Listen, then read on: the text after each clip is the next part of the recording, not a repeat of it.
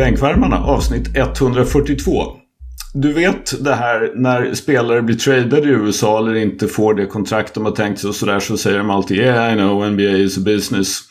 Jag inser ju naturligtvis att NBA är en business men i många stycken är det också som en djungel eller en stepp eller en savann eller någonting. Och det kommer ju förmodligen att bli extra tydligt nu när vi har en månad till trade deadline och vissa lag är ute efter att tanka för Banyama och andra är ute efter att trada till sig någon för att gå till slutspel eller trada till sig någon för att verkligen vara ett hot om titeln. Och därför anser jag, det är ju ingen slump direkt då när Kevin Durant skadade sig och gissningsvis är borta någonstans 4 till 6 veckor med en knäskada. Så det är ingen slump att det samma dag ungefär kommer ut rapporter om att Atlanta Hawks vill ha ungefär lika mycket som Utah fick för Donovan Mitchell eller Rudy Gobert för John Collins. John Collins har alltså varit på the trade block i typ tre års tid och nu kommer det ut att en av anledningarna då uppenbarligen är att de begär ett pris som inte är sant. Men nu när Kevin Durant är skadad och det har ryktats om att Nets är intresserat av John Collins liksom sen tidigare så är det ju naturligtvis så att då blir ju Atlanta Hawks ungefär som en flock gamar på savannen. De ser ett skadat djur och väntar bara på sin chans att hugga det här skadade djuret. Det vill säga priset gick upp. Det ska bli enormt spännande att se den kommande månaden och se vilka går priset upp för, vilka jagar, vilka säljer, vilka vill köpa och vilka vill bara helt enkelt tanka för Wembanyama. Hur är det med dig Adis? Eh, jo men det är bra tack. Det är bra tack. Taggad på ännu ett eh, nytt eh, avsnitt. Jag eh, har som vanligt med mig eh, ett födelsedagsbarn. Eller jag har faktiskt två den här gången. Um, nice. Och, eh, jag älskar jag har, det här. Jag älskar ja, det. Vi, vi pratar precis om det här är Nicks höjdpunkt uh, i, i, veckan. Jag är chockad att Nick inte redan har sagt att han vet vem det är.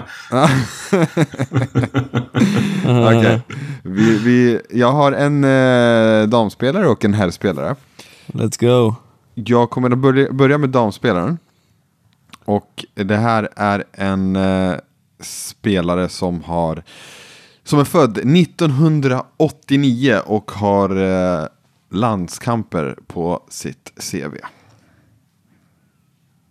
Uff, den är bra. Den är Halvarsson är född 89 i alla fall. Ja, det är hon. Det måste Fan, vara hon. Fan, nu kan inte ta den så här tidigt. ah. Nick kan inte ens säga jag vet vem det är. Nej, men jag hade, inte, jag, jag hade för mig att Halvarsson var 88. Nej, men han är ett år yngre än tvillingarna. Ja, januari, eh, faktiskt 15 januari, så fyller år i helgen blir det tror jag. Men vi har ju ett avsnitt Stort grattis.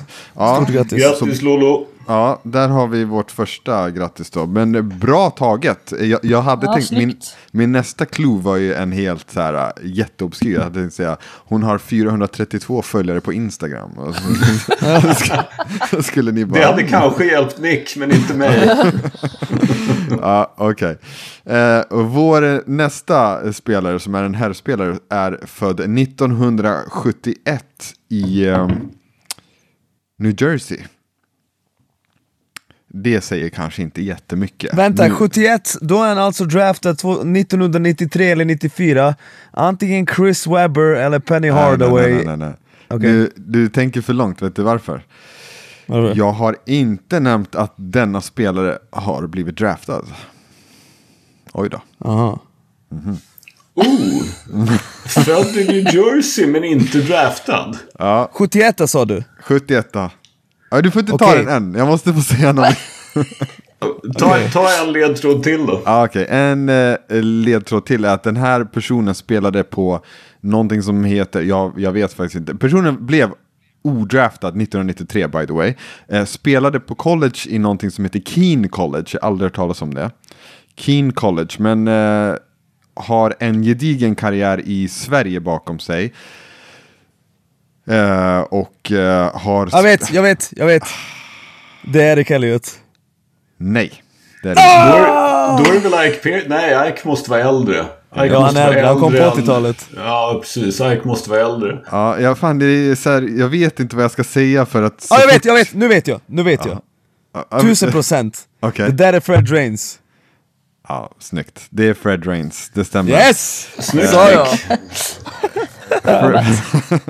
Fred, Rains, en eh, otroligt bra spelare, kan vi landa lite i det? Alltså en otroligt bra spelare som har blivit MVP fyra gånger i Sverige. 01, 02, 05 och 07. Eh, och det här är ju när jag gillade SPL. Det, då var ju Fred Rains den mannen så att säga. Eh, Fred Rains är SPLs eller basketligan, en av basketligans SPLs bästa spelare genom tiderna. Punkt slut. Jag, jag lyssnar inte på någon som säger något annat. Jag vet inte liksom om han är topp tre eller topp fem men liksom Mount Han Rushmore, han är på Mount Rushmore liksom. Helt enkelt. Han, han var både då som sagt fyra MVP. Hans lag gick ofta långt. Han har vunnit guld med två olika klubbar. Alltså lång karriär. Och spelade båda hållen och var bara liksom svinigt bra. Är, det inte så enkelt som att säga att han är topp två, det är Kjellbom och sen är det Drains? Nej, Elliot måste vara före Drains Ja, tycker jag. El, El, El, El, nej, det är inte jag säker på att jag tycker helt ärligt. Alltså Elliot förändrade Plannja men, men Drains... Exakt. Alltså, Det finns bara en spelare som har lyft en klubb från att vara liksom eh, bottenlag i ligan till att spela högsta ligan i, i Europa. Alltså, han, han var egentligen den som gjorde den resan åt Luleå. De skulle aldrig någonsin spela Super League 2001 om inte det varit för Eric liksom de här åren med Plannja. Nej men alltså grej, grejen är väl för mig, jag, jag, alltså inget ont om Elliot, det är inte det. Vi klyver ju hår som vanligt när vi, när vi jämför spelare på den här nivån. Men det jag tyckte lite grann om Elliot när han höll på, det var ju det att Alltså för att vara så att säga så fruktansvärt bra och så dominant som han ändå var så krävdes det ju faktiskt att han fick eh, jag, Som jag minns det så vann han inte förrän Håkan Larsson var redo att göra det.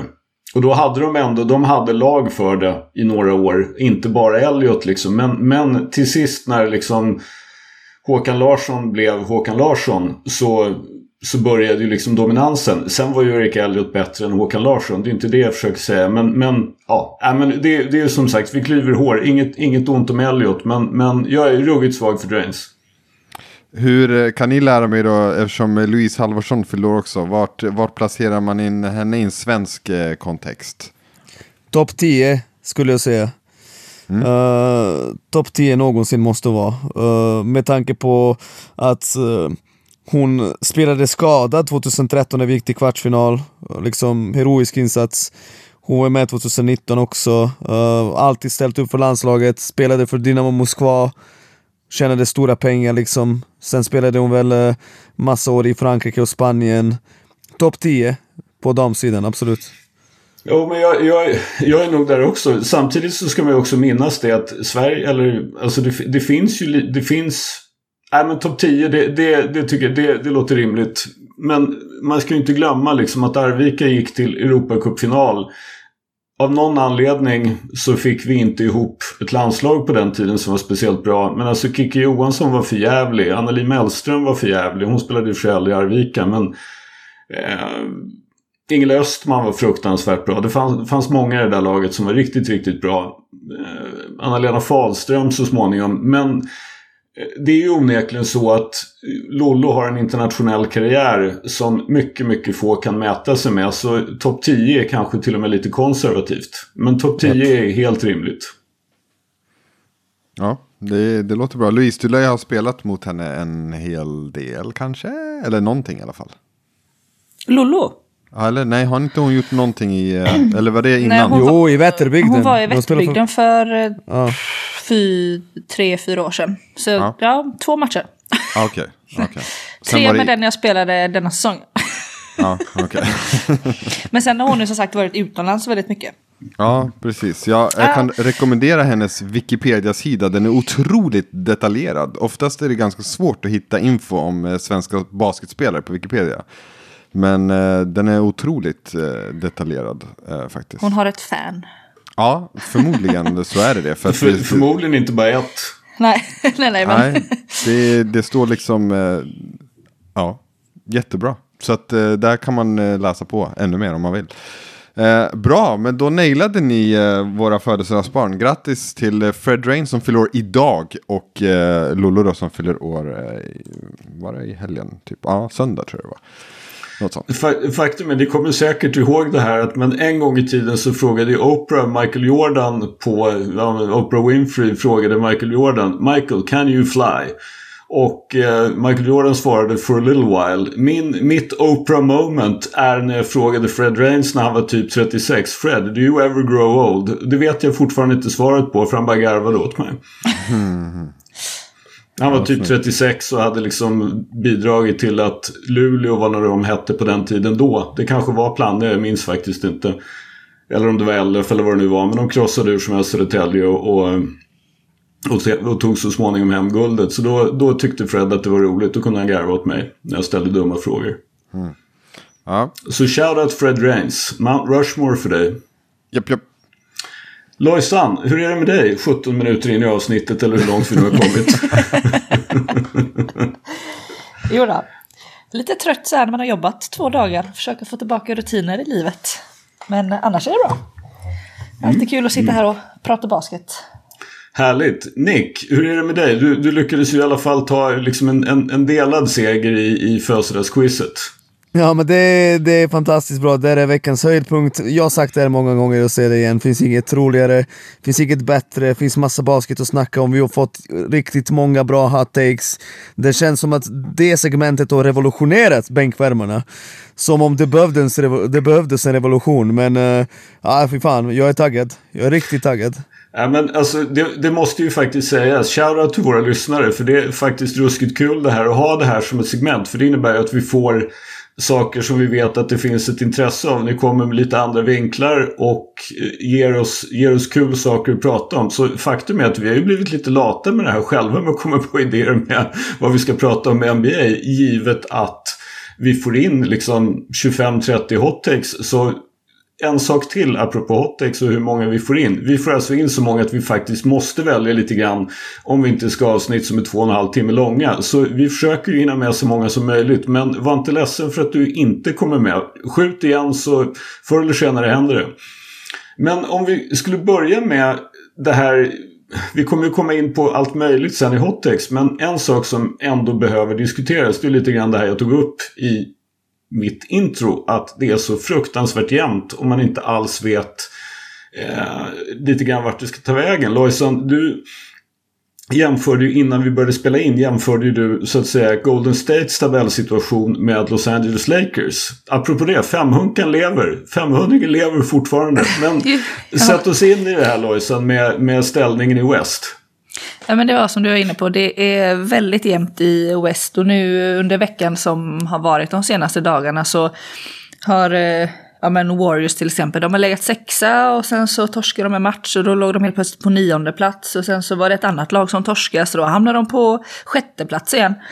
Så de ligger på 20 vinster och 20 förluster på en sjätte plats. Och sen har vi Lakers på 19 vinster och 22 förluster på en tolfte plats. Och däremellan är det olika lag på 20 och 21 vinster. Så det är ju otroligt jämnt i West.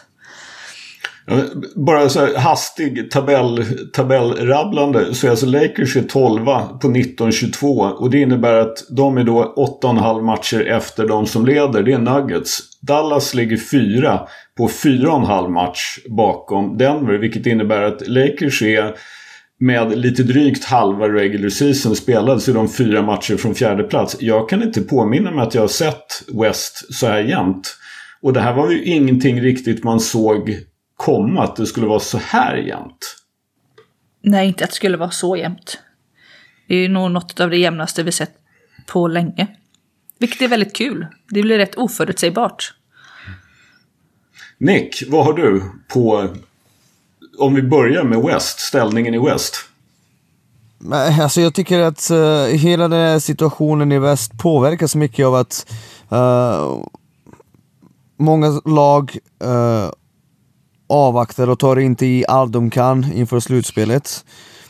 Uh, många lag vilar sina bästa spelare väldigt ofta, förstår ni vad jag menar? Så det är något som jag faktiskt ska ge 90-talet. Alltså en sak jag kan ge 90-talet är att folk spelade, det är sant sen, sen när de varade i typ 11 säsonger och sen bröts deras kroppar ner och liksom allt det där.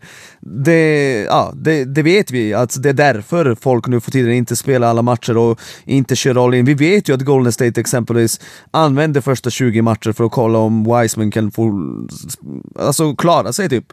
Och det kan han inte och då, då var det liksom okej, okay, du är ute för rotationen nu, hej då. Förstår ni vad jag menar? Det, man tar inte grundserien eh, på allvar och på samma sätt som man gjorde förr och jag tror att det är den största anledningen till att det är så tight eh, just i West. Men samtidigt så är det ju också så att i och med att situationen är... är jag, jag är åtminstone delvis med men jag är också lite grann mot. För jag tycker att när situationen är som den är, just det här att det är så här jämnt, så är det ju faktiskt så att Alltså lag som ju förmodligen tänkte sig att de skulle vara topp 6 och gå direkt till slutspel. De riskerar ju plötsligt att hamna i play-in och är kanske till och med en skada ifrån att missa play-in. Så jag är ju lite för... Jag, jag, ser ju, jag ser ju precis som du att det är en massa spelare som inte spelar back-to-back. Så det är, eh, Los Angeles Clippers håller ju närmast på med ett experiment för att se hur, hur få matcher kan våra bästa spelare se och vi ändå ja, spelar och vi ändå går till slutspel. Det är ju... eh, finns han ens? Ja, men som sagt, det, det där... Clippers är för övrigt och sjua på 21-21. Eh, och är ju för mig i alla fall ett sånt lag som jag eh, räknar med att de kommer att göra en trade. De har ju på något, de har ju möjligheten till det. De är obekymrade ekonomiskt eftersom de ägs av Steve Ballmer och de har liksom tillräckligt många spelare för att kunna göra en två för en trade eller till och med en tre för en trade för att få ihop pengarna. Och de har någon first round pick numera tror jag faktiskt som de kan slänga in för att få en spelare de skulle vilja ha. Och de, har, alltså, de skulle ju teoretiskt kunna ha en rotation på 12-13 spelare. Det, det kan man inte... Det har ju de användning för med sin load management. Men det gör ju samtidigt att de får ju ingen rotation eftersom rotationen ser helt olika ut från dag till dag. Men det är ju som jag menar, jag ser ju till exempel och så tänker man ju sig två lag som ju tänkte sig att eh, vi ska vara topp 6. Minnesota Timberwolves gick all in på Rudy Gobert. De är 20-21 och ligger nia. Phoenix Suns vann 64 matcher i fjol och var NBAs bästa lag och tydlig favorit till titeln. Sen blev de fullständigt demolerade i Game 7 mot Dallas. Men de är också 2021. Och det förklaras inte bara av att Devin Booker är skadad. Så det, det, är ju till exempel, tycker jag, det är ju två lag. Carl Anthony Towns är skadad eller har varit skadad. Booker är skadad. Det är ju två lag som... Alltså de har inte råd med någon load management. Nej, Nej, men samtidigt tror jag att de har inte råd heller att gå all in nu i början av januari. Uh, jag tror faktiskt att många av de här lagen räknar med att de kommer nå en helt uh, högre ny nivå ju närmare slutspelet man kommer. Det finns säkert tre eller fyra lag som tänker så i West. Men tror så... du att de kommer till slutspel, att de kommer till play-in? Nöjer de sig med att ta sig till bara play-in? Nej, nej, nej. Alltså, jag ska vara helt ärlig. Jag, vi, vi här har varit skeptiska till Phoenix Suns, eller hur? Mm. Och vi blev lite förvånade när de öppnade säsongen så starkt som de gjorde. Men jag är ganska säker att de säger i det där omklädningsrummet ja ah, men Booker är tillbaka och alla friska, vi kan gå för det. 100% att de gör det. Samma sak gäller Golden State. De är 1000% övertygade att de kan försvara titeln. Förstår ni vad jag menar? Mm. Mm. Ja, men det är lite det som blir spännande att se. För att om då Phoenix ska ta en slutspelsplats, då är det något annat lag som just nu spelar väldigt bra som åker ur slutspelet. Ja, det ska bli oerhört kul att se. Det ska bli kul att se vem som inte platsar i topp 6. Det lär bli Kings då, som ryker. Och då får Skölle sin femhunka. Precis. Jag tror mig, jag uppdaterar varje dag. Jag har koll på var Golden State ligger i tabellen. Ja, det är väldigt upp och ner just nu. Lite skakigt för dig. Ja, det är, det är sjukt. Det är faktiskt sjukt. Ja, men det, det, är väl, det är väl en fördel som ur det perspektivet och ur load management synpunkt som Sacramento Kings har. De är ju obekymrade av det här. Jag menar, de har inte varit i slutspel på, vad är det, är det 16 år eller till och med 17? 2006 var senast. Ja, okej. Okay. 16 eller 17 år lite beroende på hur vi ser på saken då. Så innebär det att de är ju beredda att gå för det. Helt enkelt. Ja, men om de, om de går till slutspel så är det, alltså, då är ju det en tydlig framgång. Det är någonting de kan bygga på senare. De gör sig nog knappast illusionen att de är direkt en contender. Eh, så de, de, de, har ju den fördelen att de faktiskt kan gå för det. Och sen har ju de också, de har ju hittat någonting. De spelar ju faktiskt helt okej. Okay. Alltså de, det är... Men det, det, det är ju det här som är intressant ändå, tycker jag. Den som uppfann play-in gjorde, har ju faktiskt åstadkommit någonting bra. För kommer du topp 6, ja då går du direkt till slutspel. Kommer du 7 eller 8, då får du två chanser att vinna en match. Kommer du 9 eller 10, då måste du vinna två raka. Ja, det är, det är och, riktigt bra system. Och, det, och det, det, är ju liksom, det här har ju förändrat lite grann. Dels då, det är inte riktigt lika givet att du ska tanka.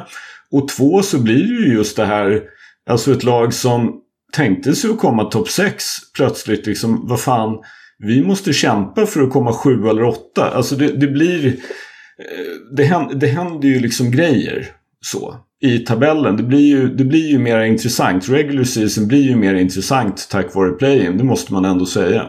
Ja, lite mer tävling innan slutspelet på något vis. Mm. Mm. Att man inte bara kan spela av matcherna. Mm. Utan att man måste tänka sig lite för, okej, okay, men var vill vi faktiskt hamna? Vill vi ta extra matcher i play-in eller vill vi gå för att ta till slutspel med en gång och vila en extra vecka? Men för, om, man, om man tittar på West nu, så liksom de tio lag då som är antingen redan liksom topp 6 eller då 7 till 10. Bakom dem så har vi faktiskt då Utah Jazz som är lite grann en av säsongens sensationer som i och för sig håller på att komma ner på jorden. Eh, Lakers som ju absolut inte, alltså de vill ju inte ens tanka eftersom då får de ju bara byta pick med New Orleans Pelicans. Alltså det Kommer, kommer Los Angeles Lakers så att säga, får de en hög draftpick, och då byter New Orleans Pelicans och så får Lakers New Orleans pick. Mm. Så Lakers har noll incitament och tanka och gör ju inte det. Och de har ju liksom LeBron och Anthony Davis. Det är klart att de vill, alltså de vill ju någonstans. Eh, så, och de är, de är liksom egentligen inte särskilt mycket efter i dagsläget. Sen är ju till och med Oklahoma City Thunder, de är bara en match bakom, en halv match bakom Lakers. Sen är då Spurs och Houston, de är borta. Men i praktiken är det ju liksom, det är 13 lag som är med i ett race om då 10 platser var det egentligen 6 är riktigt attraktiva och sen är det två till som är mycket mer attraktiva än de två sista. Mm. Så ja, som sagt, jag, jag, tror att man kan ha ganska mycket roligt här den kommande månaden genom att gå in på ISBN Trade Machine och, och, och fundera över vem, vem, vem blir till sist säljare och vem blir eh, vem blir köpare? Jag menar, vi sa ju för ett par veckor sedan om mitt älskade Chicago Bulls, blow it up. Sen dess har ju de helt plötsligt skärpt sig en liten aning, vunnit en och annan match i alla fall lite då och då och sett okej okay ut. De är 6-4 på senaste 10. Och där känns det ju som att de vill nog inte blow it up. Det har ju liksom inte varit tanken med att ge bort draft picks, eller hur Addis, till Orlando Magic för Nikola Vucevic och sen så har de ju liksom hållit, ja men de har ju satsat pengar, de har förlängt med mm. Zach Lavin. Yep. De, de vill ju inte tanka egentligen. Och så länge som de har en chans så tror jag att då är ju inte de intresserade av att liksom kasta iväg typ DeMar DeRozan och Vucevic och Lavin och Alex Caruso utan om de skulle torska fem eller sex raka nu innan trade, trade deadline den 15 februari, ja men okej, fine. Då kanske de blir säljare. Men i dagsläget så är de, skulle jag säga, de är absolut inte säljare. Trots att de ligger 10 i East. Mm. Ja. Så det, det, här är ju en, en, en, eh, liksom en, också en spin på play-in-turneringen. Jo, så är det. Ska vi, när vi ändå, alltså det är ju ändå så, vi har ju en bunt med hot takes. Är det lika bra att vi går till dem när vi har konstaterat att så här jämnt är det? Eh, det kan vi absolut göra. Däremot så, jag försökte skanna av lite snabbt. Jag hittar ingen hot take om Ben Simmons. Så att jag måste bara nämna det här medan eh, vi pratar eh, NBA. Och ehm, Ben Simmons, eh, som ni vet, undviker gärna straffkast. Jag vet inte om ni har koll på det, men jag snubblade över det här att eh, sen den 25 november, hur många straffkast tror ni Ben Simmons har satt? Satt eller skjutit? Eh, satt. Bara satt. 25 november. Tre stycken, säger jag. Okej. Okay. Tre säger Nick. Eh, jag gissar på... Fan, jag tyckte tre lät bra. Då tar jag fyra då. Jag tror att det är ett. Det är ett straffkast. Det är sjukt. Hur många har han skjutit då? Han, han, satte alltså ett straffkast mot Bull, så det var det första straffkastet han hade satt på typ tio matcher. Så därför, jag, jag tror inte att han har skjutit något sedan dess. Men Eh, gud. han har skjutit, ska vi se, 5, 9, 11, 13 straffkast. Åh, ett av 13. herregud. Alltså, Han spelar i NBA. det är faktiskt eh, häpnadsväckande. Alltså det är ju sjukt. Eh, Alltså man kan ha mentala problem med straffkast, absolut. Men en av Ja. 13. det är... eh, Nej nej, jag, jag är inget emot att han har mentala problem. Mm. Nej, det, nej. Som är, det, det, det är som är Ben Simmons problemet.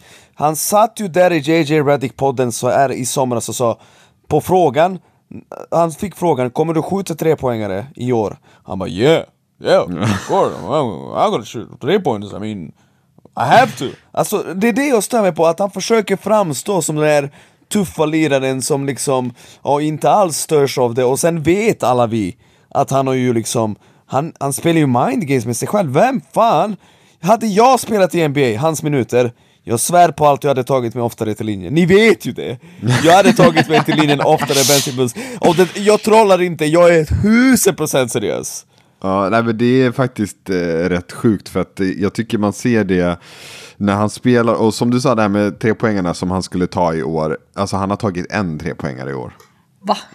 Och det, tro, det tror jag dessutom var en sån här som att han liksom fick bollen när det var typ tre sekunder kvar på klockan. Ja, alltså kanske var skottklockan. Typ Det var någonting. Jag, jag tredje får mig det. matchen på säsongen.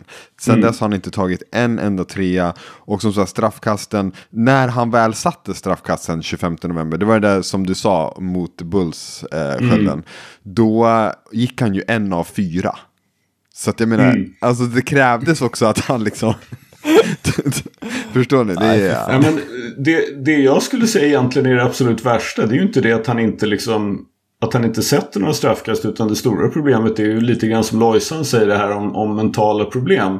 Det är ju att det faktum att han inte vill skjuta straffkast det är ju det som orsakar egentligen jag menar, man hör ju det också Nets. typ. Ja men precis, Nets ligger dessutom på honom. Kevin Durant säger ju i princip till honom hela tiden, fan skjut bollen, vem bryr sig om du missar? Alltså, om du inte skjuter bollen så är du inte dig själv, du spelar ju liksom inte.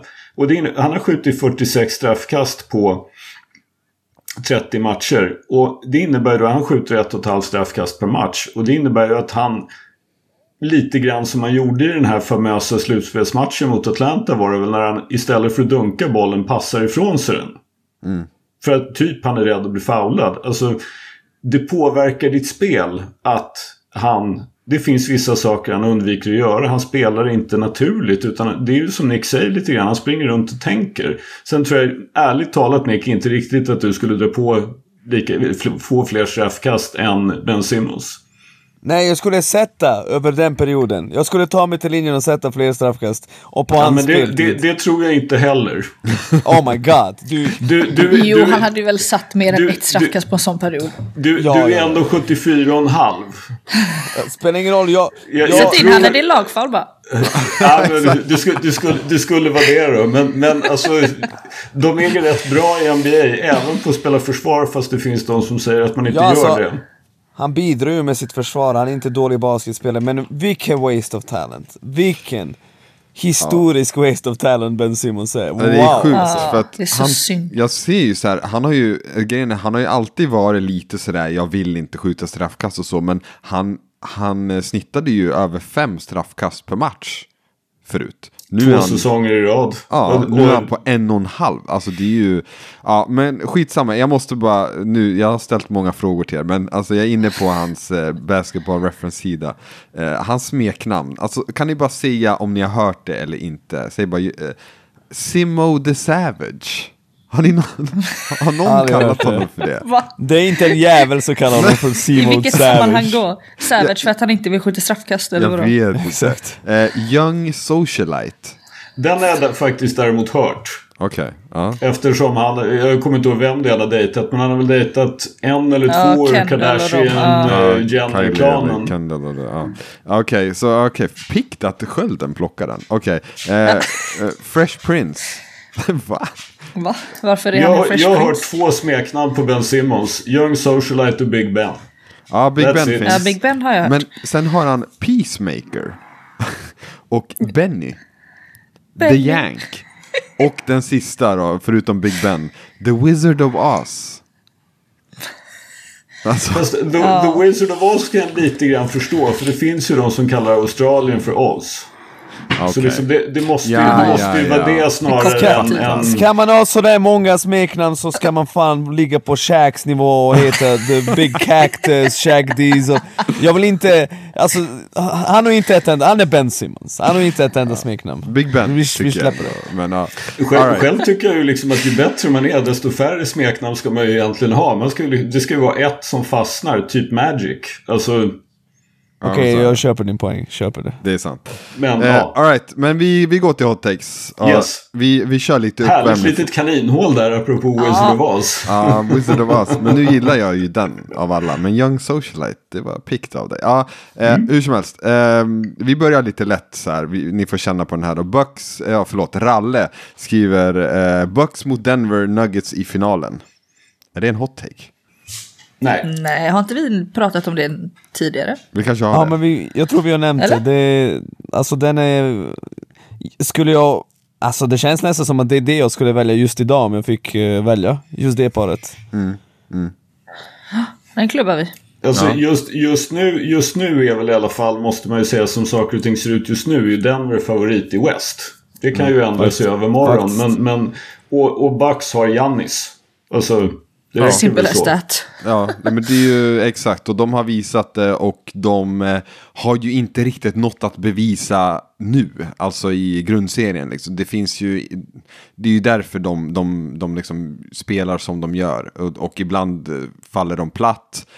Var det inte mot... Var det mot Bulls, Skölde? Nej, det var väl någon match i alla fall. Bucks bara ah, kastade in handduken direkt typ. Så att, eh, men, men, Nej, det var eh, inte mot Bulls, men Bulls har slagit Bucks i år. Ja, det, ja. Så är det ju. Men det var, det var inte den matchen som de bara i princip gav upp och torskade med 35 eller något sånt där. Det var inte Ja. mot Bulls. Nej, ja, men hur som helst. Ralle, du eh, har ju helt rätt här istället för eh, hot Precis. take. Vi Klen hot take däremot. Ja, exakt. Men, men vi, vi köper det helt enkelt. Bucks mot Denver Nuggets. Det är fullt rimligt. Eh, Nick Sporre säger att Luka Doncic kommer att bli topp 5 all time.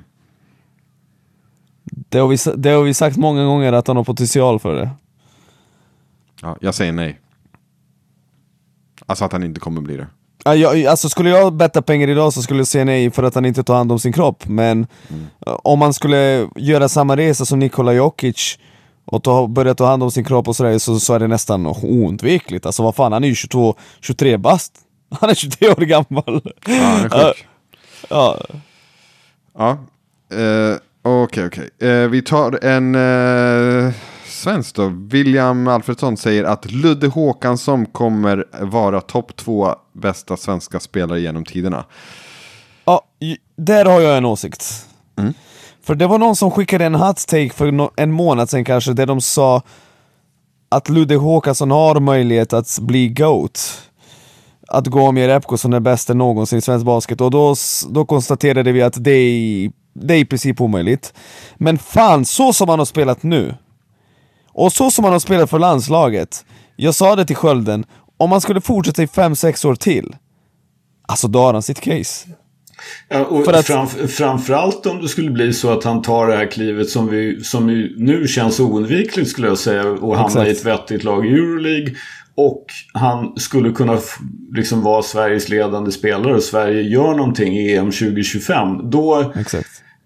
alltså han kommer ju inte att matcha Jonas Jerebkos NBA-karriär. Och, och i och med det så är det väl tvek liksom på eh, jag måste säga att jag håller nog ändå tio år i NBA för allt Men möjligt. Där, däremot så är han väl, alltså, är han, väl, är han ju helt klart uppe på Jeff, Jeffrey Taylor fick ju en så pass kort tid i NBA. Sen har han varit eh, liksom länge i Real Madrid och är en fantastisk spelare. Så det visar ju nu det i Litauen att han faktiskt är rätt okej och inte bara egentligen en rollspelare. Men han vann mästerskap med Real. Så jag säger, Ludde har ju ett jobb att göra men, men i teorin så har han ju en möjlighet att gå förbi Jeff. Men Jerebko känns faktiskt ouppnåelig tycker jag. Tio säsonger Fast- i NBA fast- är ändå tio säsonger i NBA. Men, då säger jag så här. Vem tror du är störst legend i Spanien? Juan Carlos Navarro som har, gjort, som har vunnit allt som kan vinnas med landslaget eller Sergi Baca som har spelat ett mästerskap och har tusen år i NBA? Förstår du? Det där med landslagsbiten, glöm inte, Jerebko bara spelat EM 2013, kvalade dit och sen gjorde han de här två landskamperna i, i februari. Liksom, det är... eh, Alltså att, att ta landslaget till en ny nivå och kanske komma till uh, EM 2025, vinna matcher och fortsätta visa vägen för de här yngre generationerna kommer att värdesättas otroligt högt, tro mig, när allt är sagt Ja, och men, gjort. jag, alltså, särskilt givet det här med Ryssland för Jerebkos del så är det väl ingen större tvekan om att Ludde har möjligheter att bli så att säga mer legendarisk. Men om vi nu ska prata om liksom någon form av objektivitet i GOAT och, och på något sätt ändå acceptera då så att säga de sportsliga meriterna. Jag fattar att det är svårt att göra. Då tycker jag nog ändå att tio säsonger i NBA är ganska tungt. Det Det är, det är ingen snack om saken om att Jerebko är den bästa någonsin. Han är den bästa men, och basketspelaren. det är det jag menar, att då, då är Ja. han GOAT.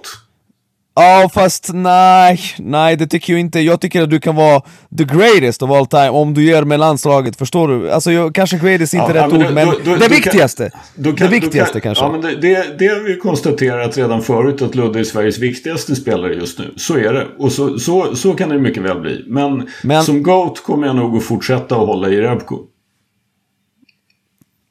Ja, nej det är Don't intressant för jag shoot me, tycker... men, men det är det, nog så. det, nej men, det Ludde gör i Spanien just nu, att han leker så som han gör. Han har faktiskt lekt de senaste månaderna, eller veckorna. Eh, Liksom, sh- vad var den? 25-11 nyligen. 25 vet du hur svårt det är i ACB att göra 25-11? Det är sjukt mycket svårare än att göra 40-10 i NBA.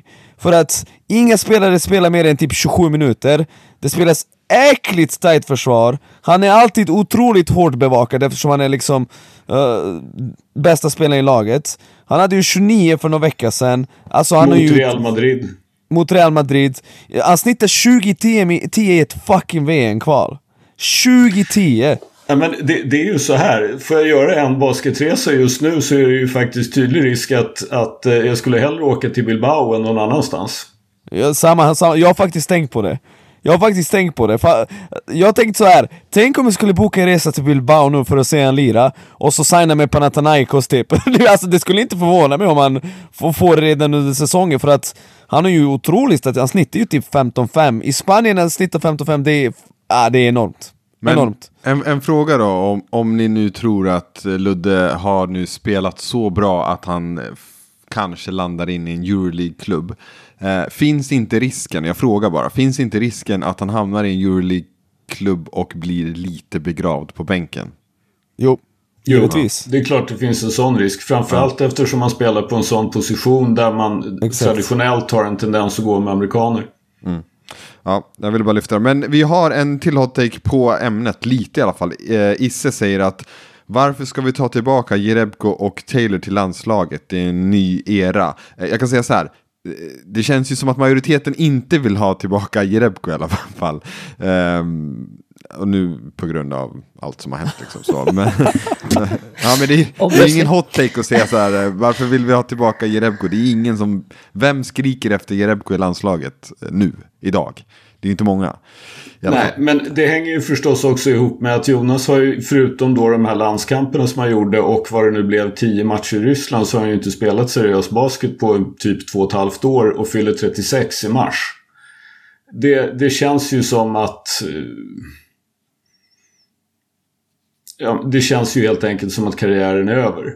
Så, så, är, så känns det i alla fall för mig. Och då som sagt, att, att ta tillbaka Jerebko, sen verkar det inte heller vara direkt som att Jonas själv har något större intresse av att komma tillbaka till landslaget. I så fall hade han ju kunnat så att säga försöka göra någonting för att åstadkomma det och det har han inte gjort. Så det, det är väl också en tydlig signal. Däremot, jag är ju som sagt för min del så har ju Jeff Taylor gjorde bort sig så det sjöng om det men han tog straffet han har aldrig klagat över att han fick det straffet han fick. Han tyckte att han förtjänade det. Och han har så vitt vi kan bedöma varit liksom en mönstergill människa sen det där hände för vad det nu är 7-8 år sedan. Och nu ser han fantastisk ut i Litauen. Och han kan göra saker som vi faktiskt inte har någon annan spelare som kan göra. Varför inte? Vad fan, eh, att säga varför ska vi ha Taylor tillbaka? Jag kan göra en lista på fucking två miljoner punkter, har ni sett honom spela?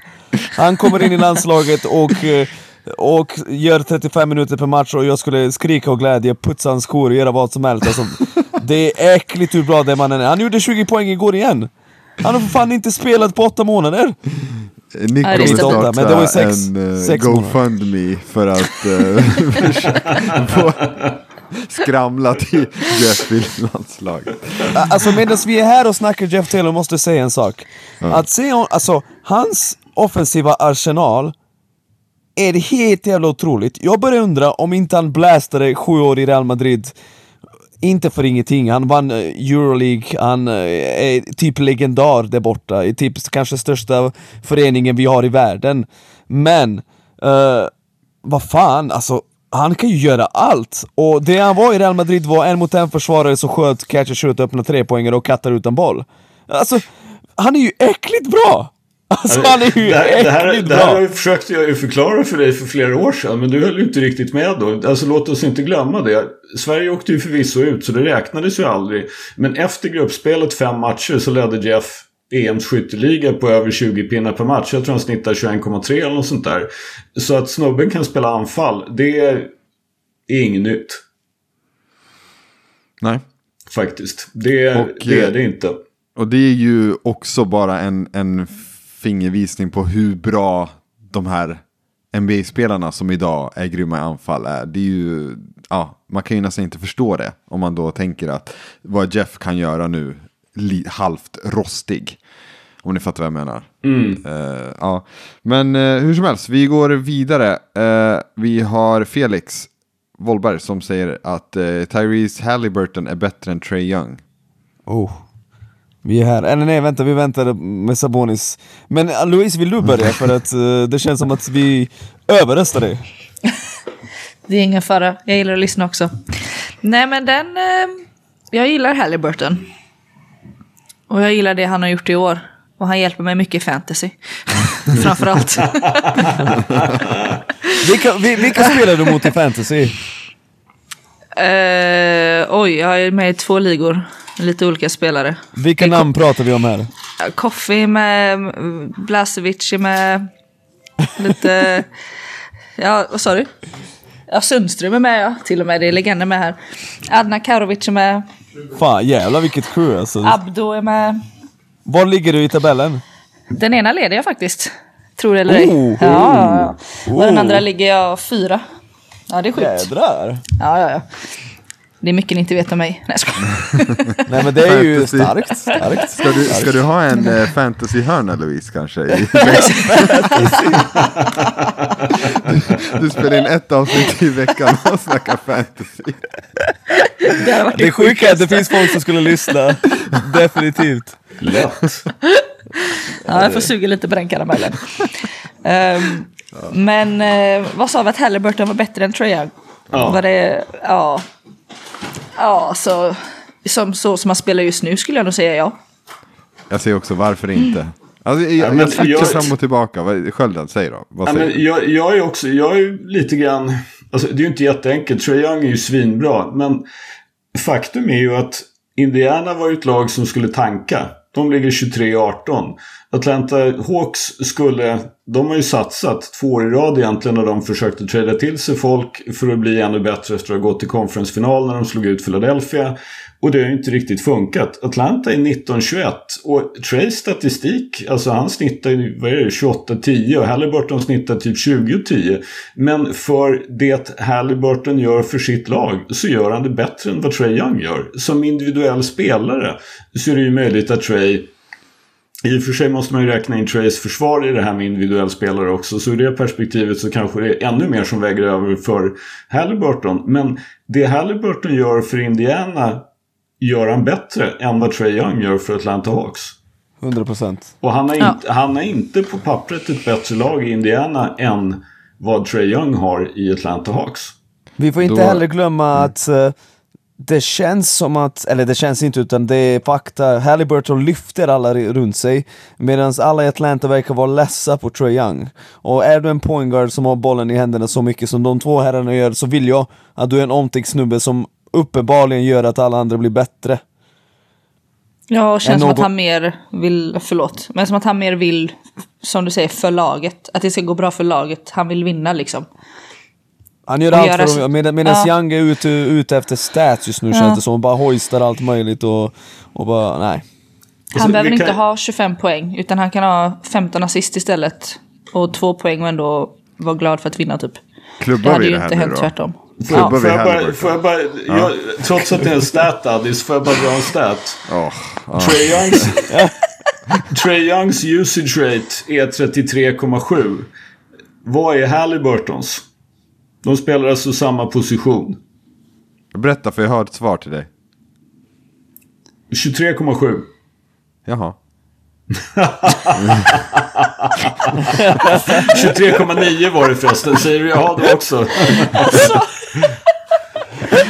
Borde du Ja. ha smeknamnet. Savage Addis? Nej, vi ska Eye bara test är det enda som räknas. Exakt, Jo, men I- använd I- ögonen, skölden. Jo, jo, men jag tyckte att det här var... Att vi, vi har, det här är ju en podd, så det är ju inte direkt så att vi har en YouTube-kanal där vi kan visa klipp. Och då tycker jag att, en, att han har bollen inte ens 25% av tiden medan Trae Young har den över en tredjedel av tiden och ändå så då åstadkommer han ju lite mer. Så ja, jag, jag tar Halliburton som det ser ut just nu över Trae Young. Sen är ju Trae Young jävligt bra, det är ju liksom inte det. Men han, han, på något sätt känns det som att han fortfarande har någonting kvar att lära som han måste för att få ut sin potential. Han är, han är otrolig, både poänggörare och passare. Alltså han är skicklig passare som fan tror jag, det får vi inte glömma. Så, Nej, nej. ja. Eh, Lira kan han ju göra, absolut. Ja, ja, men jag fan. dras mer för det här att uh, Halliburton, ja men känns som att han spelar mer för laget liksom. Ditt Och gör andra bättre. Det var det. Exakt. Ja. Ja. Han spelar med för det. Ja, eh, all right, vi har eh, en uh, hot take som säger följande. Umeås framgång kommer inte hålla hela säsongen i uh, SPL här alltså. Och sen stod det, säg inte vem det är. det tyckte jag var roligt. Ja, vad säger vi? Jag, Nej, jag ja, kikade det- in tabellen, jag som nu ska ha stenkoll på SPL då. Eh, och blev ju helt eh, örfilad av att de ligger tvåa. Vad är det som händer?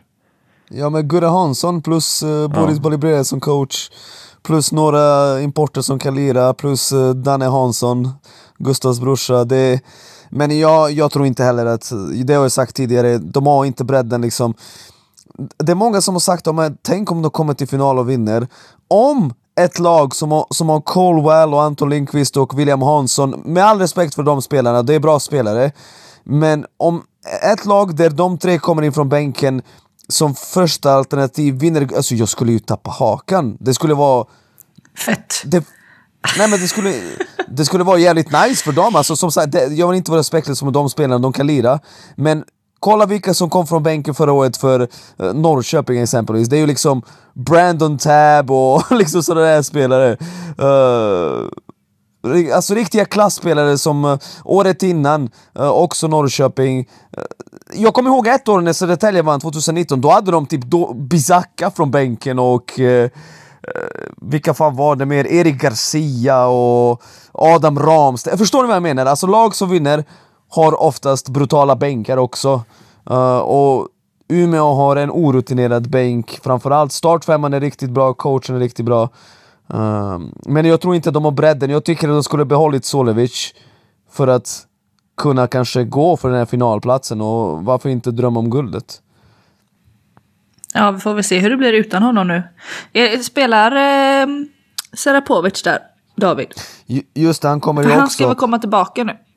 Ja det ska han göra och han är också en solid spelare. Återigen, jag vill inte låta som en hater här. De ligger ju uppenbarligen två i, tab- i tabellen av en anledning och det är inte bara startfemman som spelar 40 minuter per match. Men för att gå hela vägen, Sjöström Sköldström kan vittna om det, han har fört ligan sedan 50-talet. Det är liksom, du måste ju ha några från bänken också som håller riktigt hög nivå. Ja, någon, den sista spetskvaliteten kanske. Exakt, sista spetskvaliteten låter, låter fantastiskt bra resonerat. Men, Med, eh, med, med allt detta sagt måste vi ändå än en gång nämna Gustav Hanssons statistik. 24,1 poäng per match, 6,9 assist per match, 4,5 returer per match. Det är ju alltså som sagt en, en så late blooming eller vad man nu ska kalla det för är ju ganska osannolik. Han är ändå 27. Ja, det är sjukt. Ja, det är häftigt. Han fyller 28 om, eh, ja, När vi spelar in är den 10 januari. Den 21 januari fyller han 28. Och det här är ju med mil hans bästa säsong i SPL. Ja, det är galet. Det är galet. ruggigt bra gjort och snittar 24 poäng. Det är Shoutout. Gustav Hansson. Ja, och sju assist. Svenskar gör inte det i ligan. Kommer ni ihåg när Gaddefors var så jävla överlägsen i Södertälje? Då snittade han 22. Alltså, han gör något helt jävla overkligt, uh, Gurra Hansson. Ja, eh, absolut. Vi fortsätter på svenskspåret. Emil säger att Nässjö missar slutspel. Den är dålig, de kommer ta sig till slutspel, framförallt nu när Kö- Köping strugglar och eh, Uppsala skickat, eller blivit av med Matti som drog till Rumänien. Men de har, de har svikit. Jag sa under försäsongen, jag tror att de kan gå till semifinal i år. De spelar utan energi i försvar, de spelar dåligt försvar vilket är väldigt otypiskt för, eh, för Nässjö. Så nej, de kommer inte missa det men samtidigt de underpresterar. Ja, eh, han följer upp med att ha en NBA hottake också. OKC tar sig till slutspel, slår ut båda LA-lagen i play-in. Nu måste jag kolla, hur mycket efter ligger OKC just nu? Har någon det på rak arm? Ja, de, de, är... de har alltså, vunnit 18. Lakers har vunnit 19. Okej. Clippers Så, det, 21. det, ja, så det, det är ju liksom inte... De är inte speciellt långt efter. Nej, Det är inte omöjligt. nej den är, det är en bra Men den hottake, är ändå tycker jag. het. Ja. Ja, Det, det, det är är en, det är en bra hot take, men man, man skulle ju vilja presentera den för Sam Presti som är general manager i OKC och kanske gör som han brukar göra och stänger ner tjej. ja, exakt. Det är Jag, ju- jag hörde någon podd, så det var väl Bill Simmons tror jag, som menade att liksom, ja, det kommer väl att ta ett par veckor. Sen så kallar de till sig tjej och tar upp honom på kontoret och säger Hör du, vi har tagit en röntgen på ditt lår, du är skadad. Nej, vadå säger tjej, jag är inte skadad. Jo då, för fan, kolla här ska du se. Det, det, du har en muskelbristning, du kan inte spela mer, vi stänger ner dig. Ja, ja, det är inte helt omöjligt. För jag trodde ju att de skulle gå ännu hårdare på tanken eftersom att eh, Chet eh, var ju out Exakt. redan innan säsongen. Då, var- då eh, trodde jag att man bara skulle gå all in för Wembanyama. Att fatta, alltså kan ni bara tänka den, Wembanyama och Chet nästa år. Det vore ju... Ja, det hade varit sjukt. Det hade varit, Sugrör Towers. Ja, jo, förvisso, men äh, jävlar vad mycket längd. Eh, och Oh, ja. så har de ju Pokusevski också. Ja, Ja, skitsamma. men det, det tog Bill Simmons också upp. Vi måste, måste credda det, för det tyckte jag var jätteroligt. Han sa det, att det är förstås ett problem för deras tanking att Pokusevski är skadad. För han är typ bara minus. Han är liksom secret tanking weapon när de kan spela honom. Den är inte en secret, eh, Skölde, men ja, absolut. Eh, vi har Jag tycker fått... att han har, han har tagit stora kliv framåt i år. Ja, Det håller jag med om, men... Grattis. alltså, ja, absolut. Eh, vi har fått en... Ja men alltså, kliv från vad? Från liksom döden till eh, Jo, men han, är, han, är, han är mycket Alltså, mer effektiv i år. Han behöver inte lika många skott för att komma upp i sina åtta poäng per match. Ja, han var död och är nu medvetslös. Grattis. Jag, jag är ledsen, jag måste bara ta... Vet du vad hans on-off-siffror är, Addis? Nej. Pokusevskis alltså. Nej, Minus 20,1. ja, bra.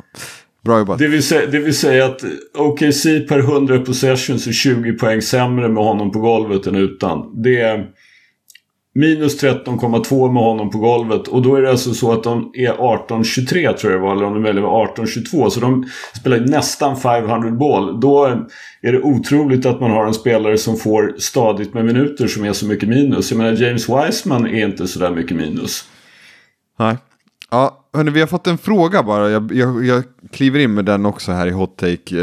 Eh, så här, en fråga snarare än hot take från Ante. Tror ni att Bronny James är garanterad en plats i NBA på grund av LeBron? Nick, du har ju Ja. varit eh, lite inne på Bronny senaste dagarna, eller hur? Jag Ja men verkligen, jag, jag följer ju hans framfart. Han mötte ju en svensk spelare, Julius Price, nyligen och jag måste säga att eh, Alltså, först och främst ja, han är garanterad en plats för LeBron än hans farsa. Vi har sett det där så många gånger. Jag kommer ihåg när Patrick Ewings son var typ med i Hornets rotation. Jag tror inte den spelaren höll ens Euroleague-nivå.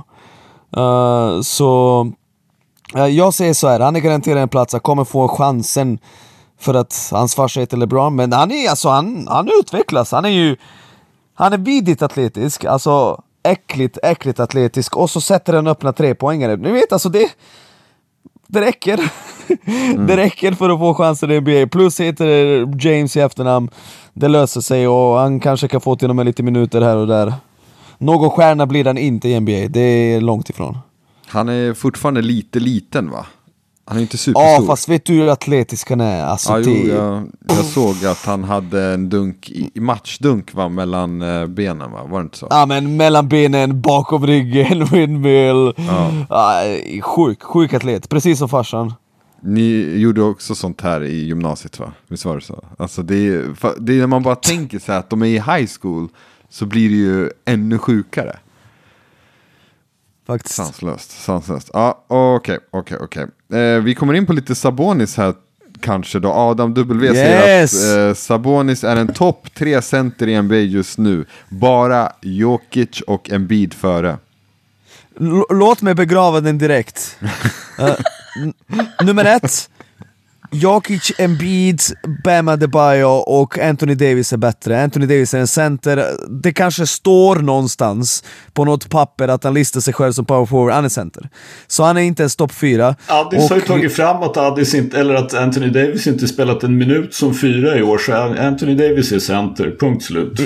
Yes, och, och, och sen nummer två och det viktigaste av allt alltså Domantas Sabonis är fortfarande den mest överskattade spelaren i NBA. Jag säger inte att han är dålig basketspelare, det finns stor skillnad mellan mest överskattad och, och, dålig. Och då är det säkert sådana som Skölden som sitter där och tänker men vänta, han hade ju 20 poäng och 20 returer nyligen. Här, här ska jag bekräfta för dig varför han är överskattad.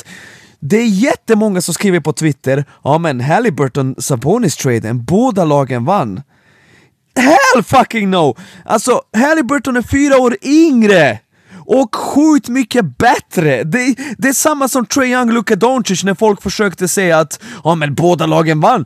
Vadå båda lagen vann? Ja, Trae Young kan spela, ja hans lag gick djupt, djupt i slutspelet. Snälla låt oss inte låtsas som att båda lagen vann.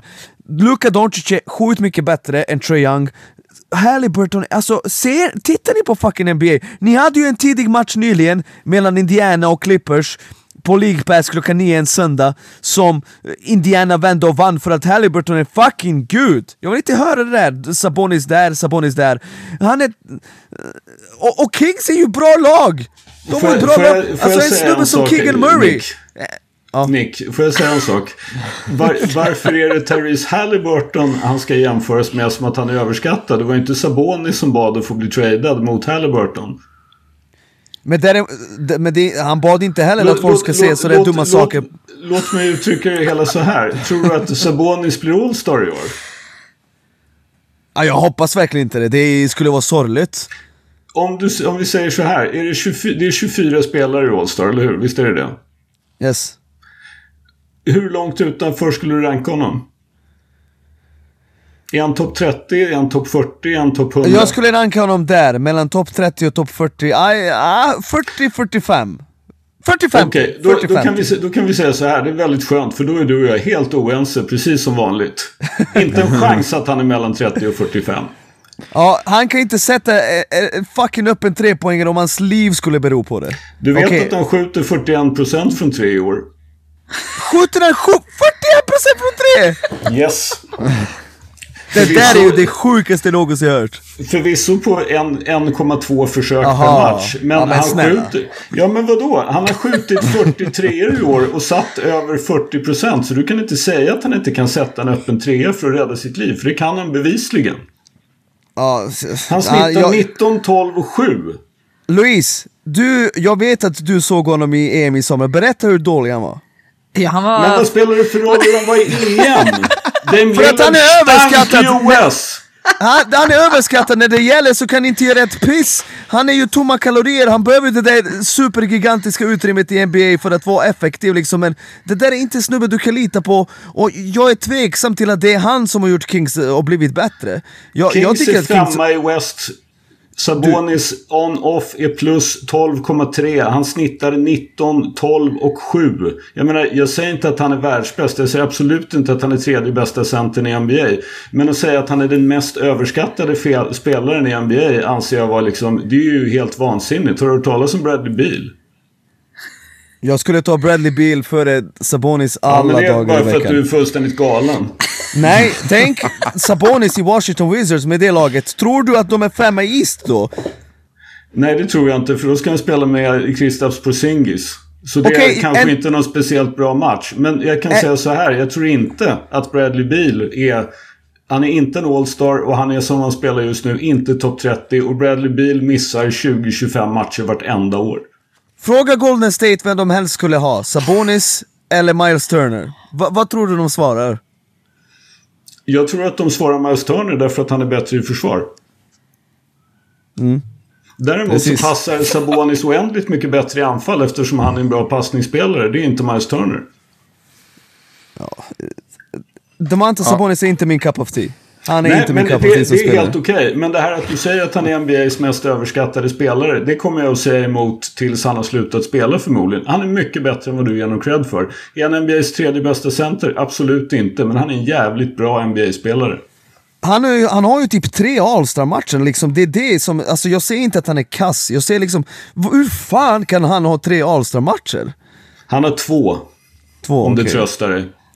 Ja, det känns lite bättre faktiskt. Ja, bra. Ska vi, ska vi gå vidare? För jag tror inte att vi kommer någon vart. Nej, ni har Vad, vad, otrolig, vad du än säger så kommer jag tycka att du har fel och det gäller väl omvänt också. misstänker jag. otrolig låsning ni har båda har. Men... Eh, Jag har ingen måste- låsning. Jag är bara, tycker bara det är jävligt märkligt att han skulle vara NBAs mest överskattade spelare. Det köper jag inte. Okej, han- men ge, ge mig tre mest överskattade spelare i NBA. Bradley Beal och ge mig två till. Jag har inte överhuvudtaget tänkt på liksom vilka som skulle Nästa vara mer avsnitt, okej, gör en lista. Men nästa, nästa avsnitt ska du få fem bara för det. Alla vi, alla vi gör en lista på fem mest överskattade spelare till nästa Det avsnitt. räcker med att Blanda några... inte mig i det här. Nej, inte mig heller. Det Ni två fight. gör det. Jag och Louise kan bedöma typ eller Ja. någonting. Eh, men eh, Skölde, får jag bara fråga. Är, eh, är son Sabonis, är han bättre än pappa Sabonis? Oh my god! Alltså, Svara på frågan. Jag skulle nog anse att Arvidas i sin, liksom, i sin krafts dagar, i sin prime, var klart bättre. Okej. Det är ju bara det att vi såg Tack. honom ju inte i NBA i sin krafts dagar. Sabonis när, gjorde så... När han kom till NBA så var han ju slut. Liksom, i Sabonis praktiken. gjorde så att, att USA sa så här: okej vi måste fan skicka våra bästa spelare. Så, eh, mer behöver vi inte säga liksom. Ja. Okej. Jag bara, vi, vi, vi återkommer till den om fem år och om han är en eh, liksom sju-time all-star och så, då eh, tror jag inte ni har ett case längre. Men eh, vad vet jag, Nick, det kanske är 90-talet som förblindar dig här. eh, vi, eh, vi går vidare. Eh, Daniel Palm säger att Chicago, den här vill jag att Skölden svarar på för det handlar om Bulls. Chicago Bulls gör en Boston Celtics eh, 21-22, det vill säga få ordning på spelet under säsongen då och ta sig till finalen. Eh, jag kan faktiskt se att de får ordning på spelet och, och kanske, jag tror, tvivlar lite grann på topp 6. Men jag kan tänka mig att de går till playoffs via play-in. Men jag ser inte att de går till final. Men jag tycker att de är klart bättre än, eller de bör vara klart bättre än att ligga 10. Okej, Men, men de går inte till final. Det ser jag bara inte. nej. Jag ser inte att de kan slå ut eh, Bucks, Celtics eller Philadelphia i, i en slutspelsrunda. Andreas Om inte Häggström, något av de lagen har fått förlåt. liksom strategiska skador. Och då kan ju vad som helst hända för vem som helst. Det, men det, nej, inte final. Eh, Andreas Häggström säger att det är dags för Lakers att skeppa AD och LeBron. Låt mig bara svara på den. Nej, det ska de inte alls. De ska gå till slutspel och de ska gå bra i slutspelet. Det är vad som kommer hända.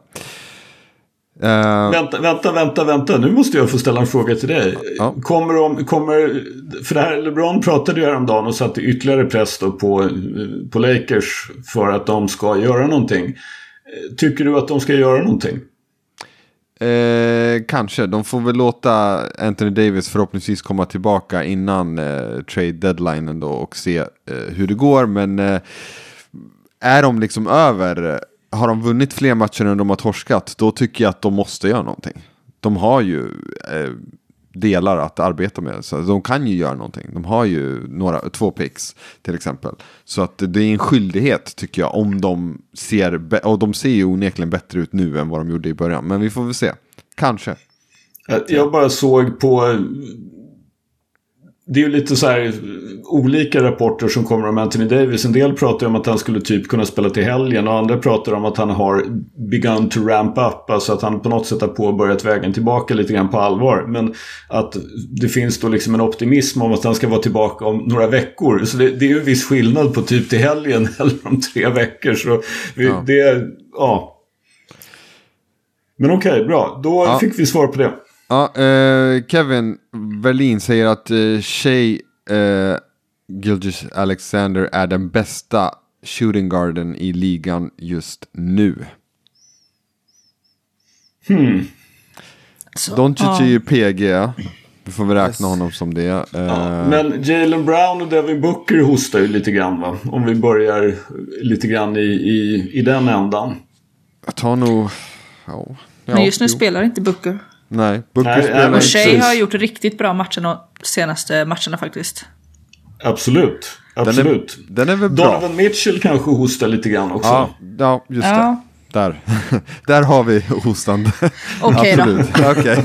Eh, ah, nej, han är Köper. nog inte det. Han är nog inte det. Ja, Men han är bra. toppen. Men han har varit grym. Han har varit liksom, Utan tvekan. Ja, ja, ja. Det, det har han. Uh, Alright, vi kör någon till då. Uh, Noah Järbeck säger att Kyrie, vi kanske har haft den här tidigare. Kyrie Irving är den mest skillade basketspelaren någonsin. Alltså, när det gäller bollkontroll och eh, bara kunna stoppa bollen i korgen, han är ju där uppe med de allra skickligaste. Mm. Kevin Durant, Steph Curry, Michael Jordan och sådana där. Så... Han Ja, är där men uppe. samtidigt... Va? Han är där uppe. Ja, när det gäller absolut saker han kan göra med bollen, men det är ju mer än det i basket. Du måste vara en ledare, du måste spela försvar. Du måste ju röra dig utan boll och sådana här saker. Och där är han kanske inte lika bra som de andra, men... Nej. Ja, men om, om, man bara, om, man, om man med skills bara egentligen menar tekniska skills som hur han hanterar bollen, liksom förmågan att få i bollen i korgen från alltså, konstiga vinklar. Och hur han, han är ju inte jättestor för att vara liksom en attackerande spelare. Samtidigt är han ju rätt stor för att vara point guard. Han är väl typ 1,90 ändå, så han är ju inte pytteliten så. Det är liksom hans tekniska, hans handles och han, det, där är han ju definitivt där uppe. Men som sagt, sen finns det ju andra skills också. Eh, vi har en, eh, vi, vi ska ta den här. Vi fick en påminnelse om en hot take som vi har missat sedan tidigare. Eh, FPL eh, Grens, Grens, jag vet inte. Eh, säger att Tim Duncan är 00-talets i särklass bästa basketspelare och det är inte ens en diskussion. Det skulle ju vara kul att höra FBL-gräns prata lite grann med LeBron James. Ja, det är Bara- precis. bara för att ta det absolut 00-talets mest- bästa spelare. Mest obvious liksom. Så. Nej men där, där står, no, på 00-talet står det mellan Kobe och Duncan. Men vänta, vad är 00-tal? Ja, just det ja, okej. Ja. Ja. vi 2000 säger till 00. 2010. Okej. Okej. Okej. Ja, 00 till eh, 09. Är det det vi pratar? Jag skulle ta Det borde det Duncan vara. före Kobe, men många s- skulle avrätta mig när de hör det här liksom, så... Jag vet inte. Jag skulle ta Duncan, absolut. Jag tar också Duncan över Kobe. Ja. eh, Det, det gör jag faktiskt. Det... eh, u- Utan att på något sätt vilja dissa Kobe. Men jag tycker att Duncan var... Alltså, det Duncan gjorde var ändå helt ofattbart. Faktiskt. Alltså, Eh. han, han- var så icke-flashy att folk inte liksom minns hur fucking bra han var. Hade inte han någon finalmatch, typ sådär 30 poäng, 20 returer, 10 blockar eller något sådär. Man bara, vad i helvete. Jo. Men de mötte ju Nets i finalen också. Men ja, absolut. Eh, vi fick ju en hot take på ämnet också, jag ska ta den lite snabbt. Abdullahi Yassin skrev ju att var Tim Duncan verkligen bättre än eh, Kevin Garnett? Om eh, Garnett hade hamnat i en lika bra situation med en Hall of Fame-tränare, lika bra lagkamrater, organisation och så vidare, så hade han vunnit minst lika många titlar. Och eh, så taggar ni mig, vad tycker jag? Och som ni vet så är ju jag, Kevin Garnett är min favoritspelare någonsin. Och eh, jag har ju hävdat det här hela tiden. Att eh, de, de två är ju precis eh, lika bra och eh, det står jag fast vid. Och jag säger att hade Garnett fått samma situation så hade han eh, vunnit minst lika mycket. Absolut. Så uh, ingen hot alltså take, det, men det, bra Det är ju alltid svårt med den här typen av hypoteser att säga emot. Så jag, jag, jag ska inte försöka göra det. För jag, jag är ju liksom inne på i princip samma. Att Garnett var ju... Fast, och det är också lite grann, alltså de är ju så otroligt olika som personligheter och i någon mening också som spelare. Alltså Kevin Garnett spelade ju med en eld som brann. Alltså Tim Duncan är, kan ju förmodligen knappt koka ett ägg. Liksom. Så, Fattar. de, de är ju, så det, det, är en, det är en sån... Men, men att, att de var liksom i alla fall i grannskapet av varandra om du förstår. Jag menar att det liksom, det, så är det ju. Det är ju... Och, Ja. och, och båda var enorma försvarare och fantastiskt offensivt också. Så det är som sagt, det är ju, det är ju två... Kevin Garnett är ju också där uppe på 00-talets spelare oberoende av att han bara har en titel.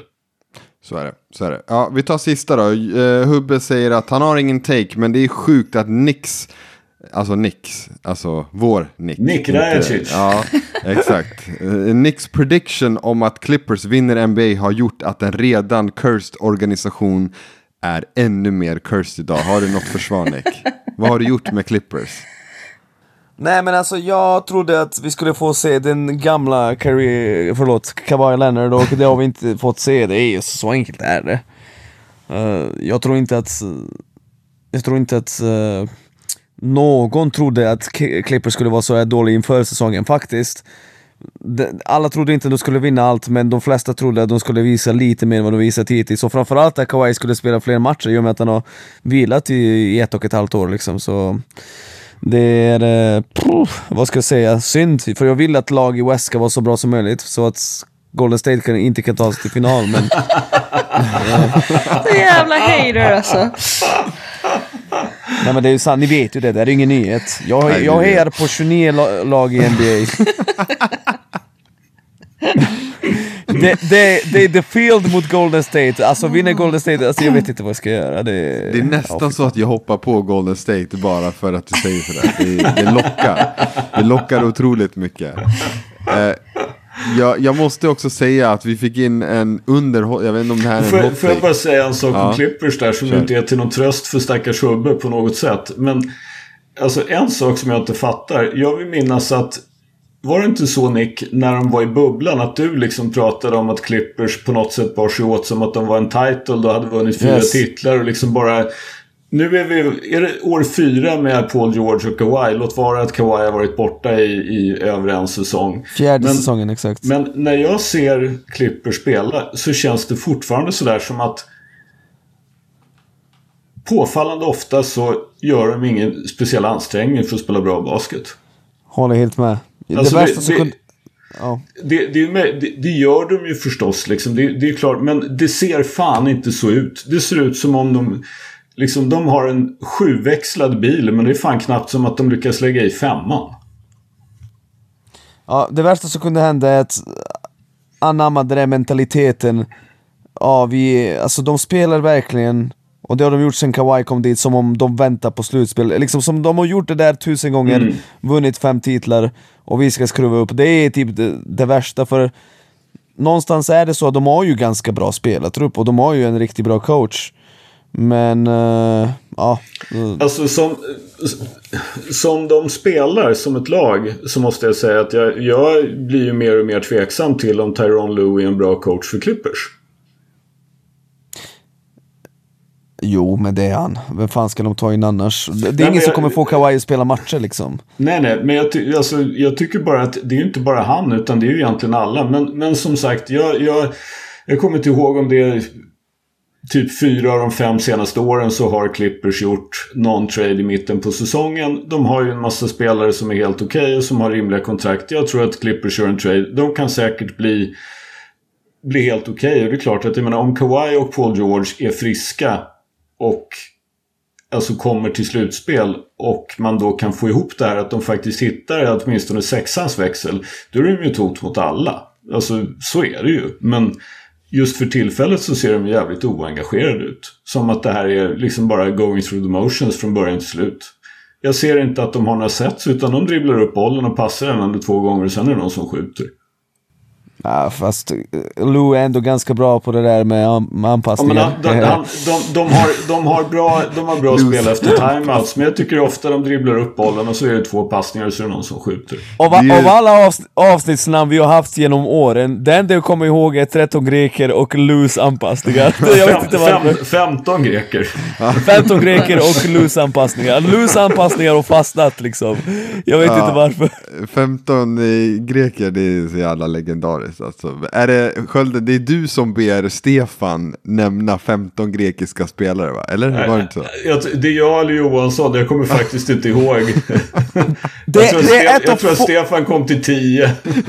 Det, det är ett av få avsnitt jag missat och liksom jag blev så frustrerad att inte jag fick den frågan. Alltså när jag lyssnade jag blev så jävla arg.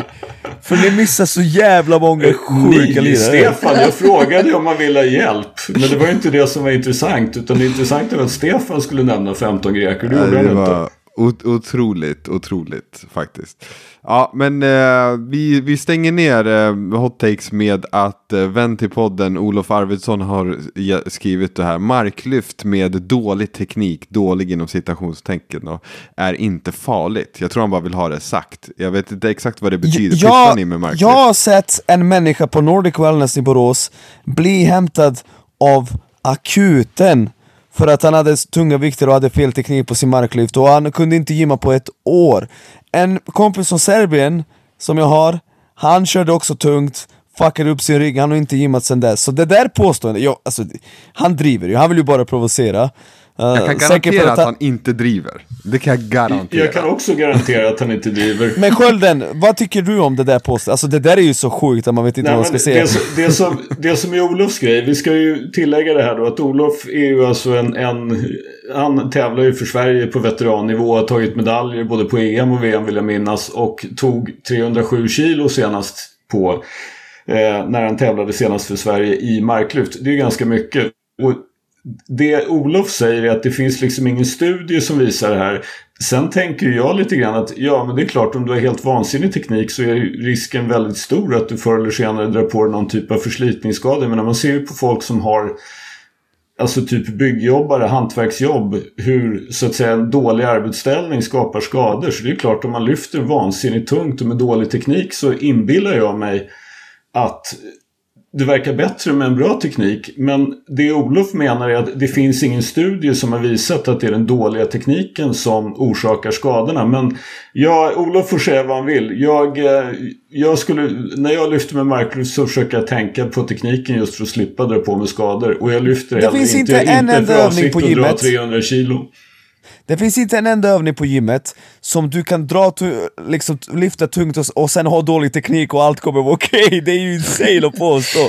Du kan ju för fan skada dig allvarligt. Alla ni som lyssnar, framförallt yngre, lyssna inte på Olof Arvidsson. Det där är ju, alltså, Använd er, era ögon, eye-test. och- Men hallå, vi, vi har en till hot take och det är Tommy Pretorius från Borås som skrev att eh, eh, Som skrev att ligan, eftersom det är tre lag man möter uh, Förlåt, tre matcher per lag i SBL här Han Man tycker möter att det är för lag tre gånger.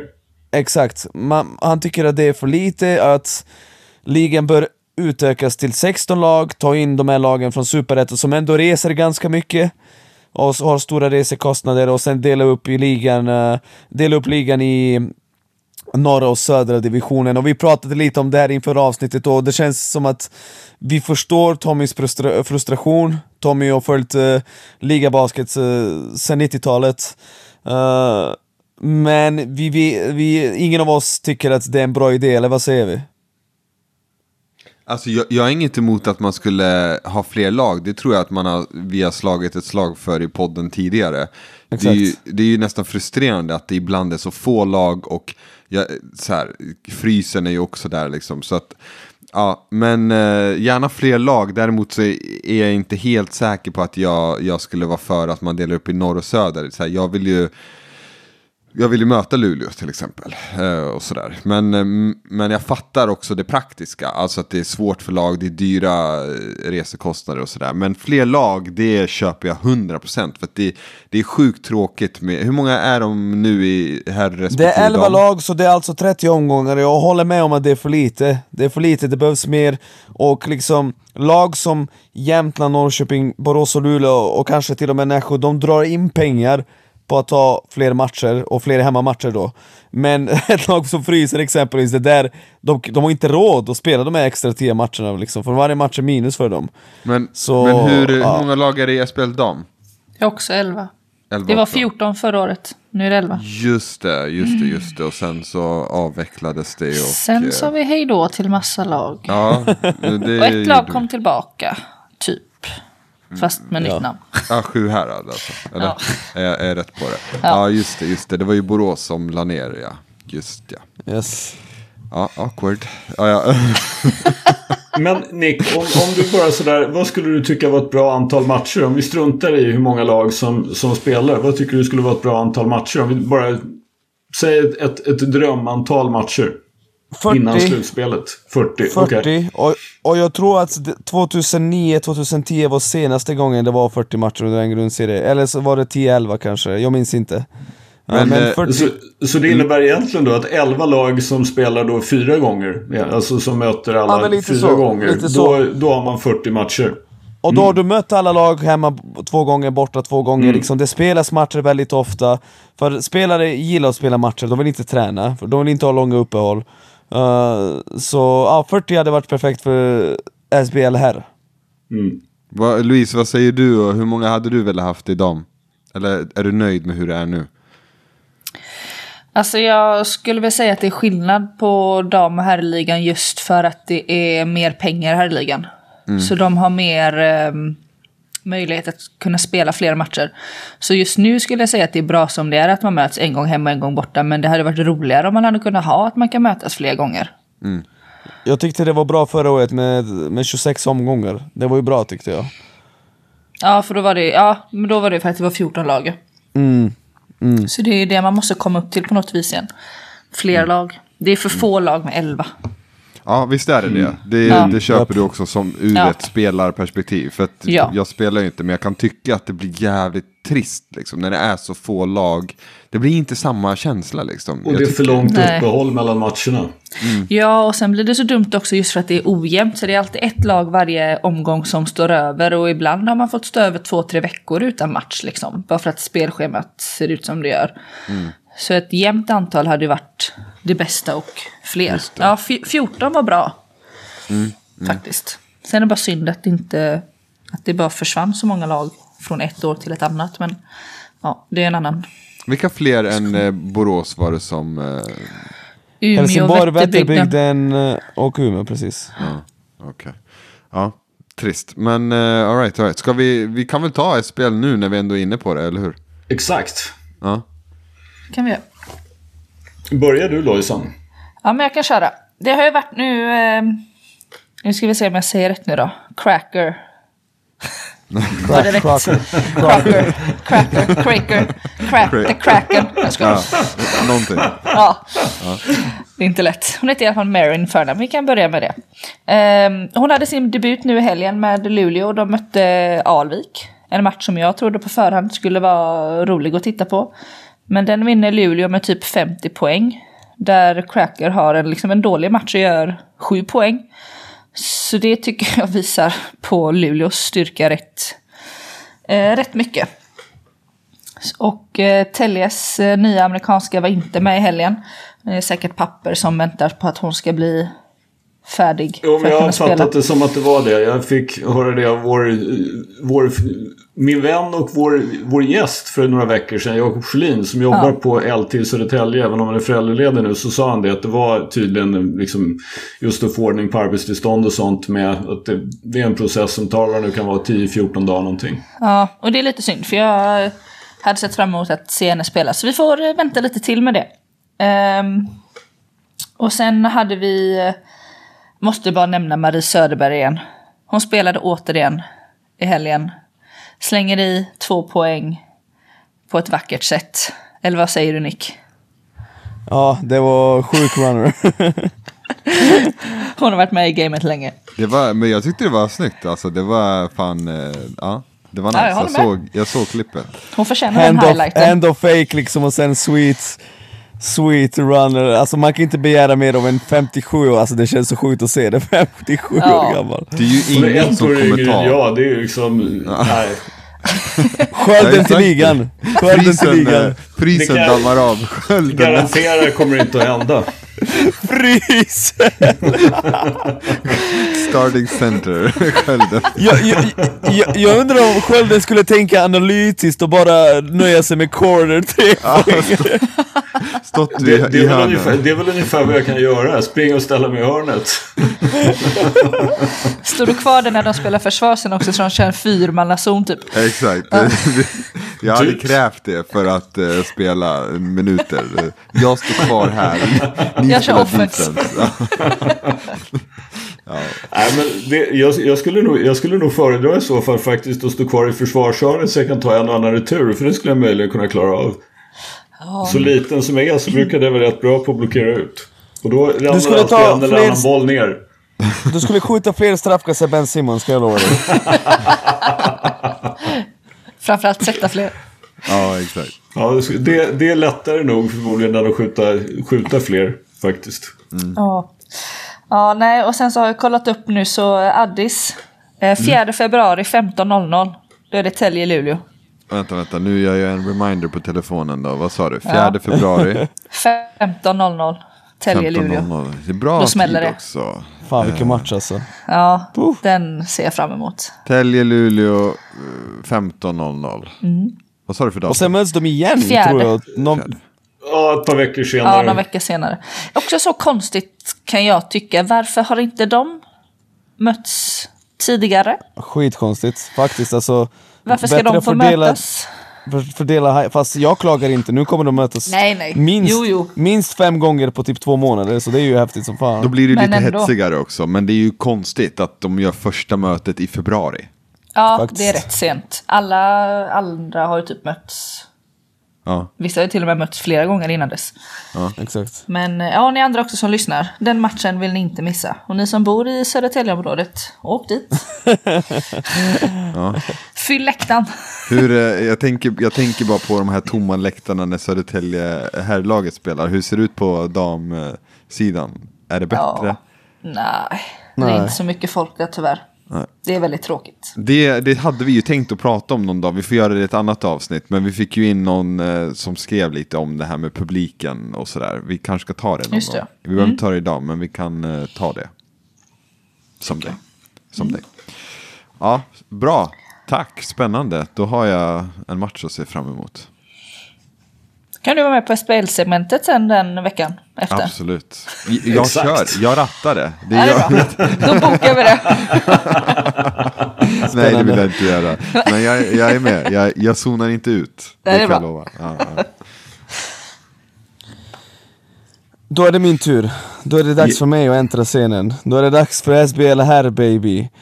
Världens härligaste basketliga. Har blivit Alltså sjukt mycket bättre de senaste veckorna med alla de här värvningarna på riktigt.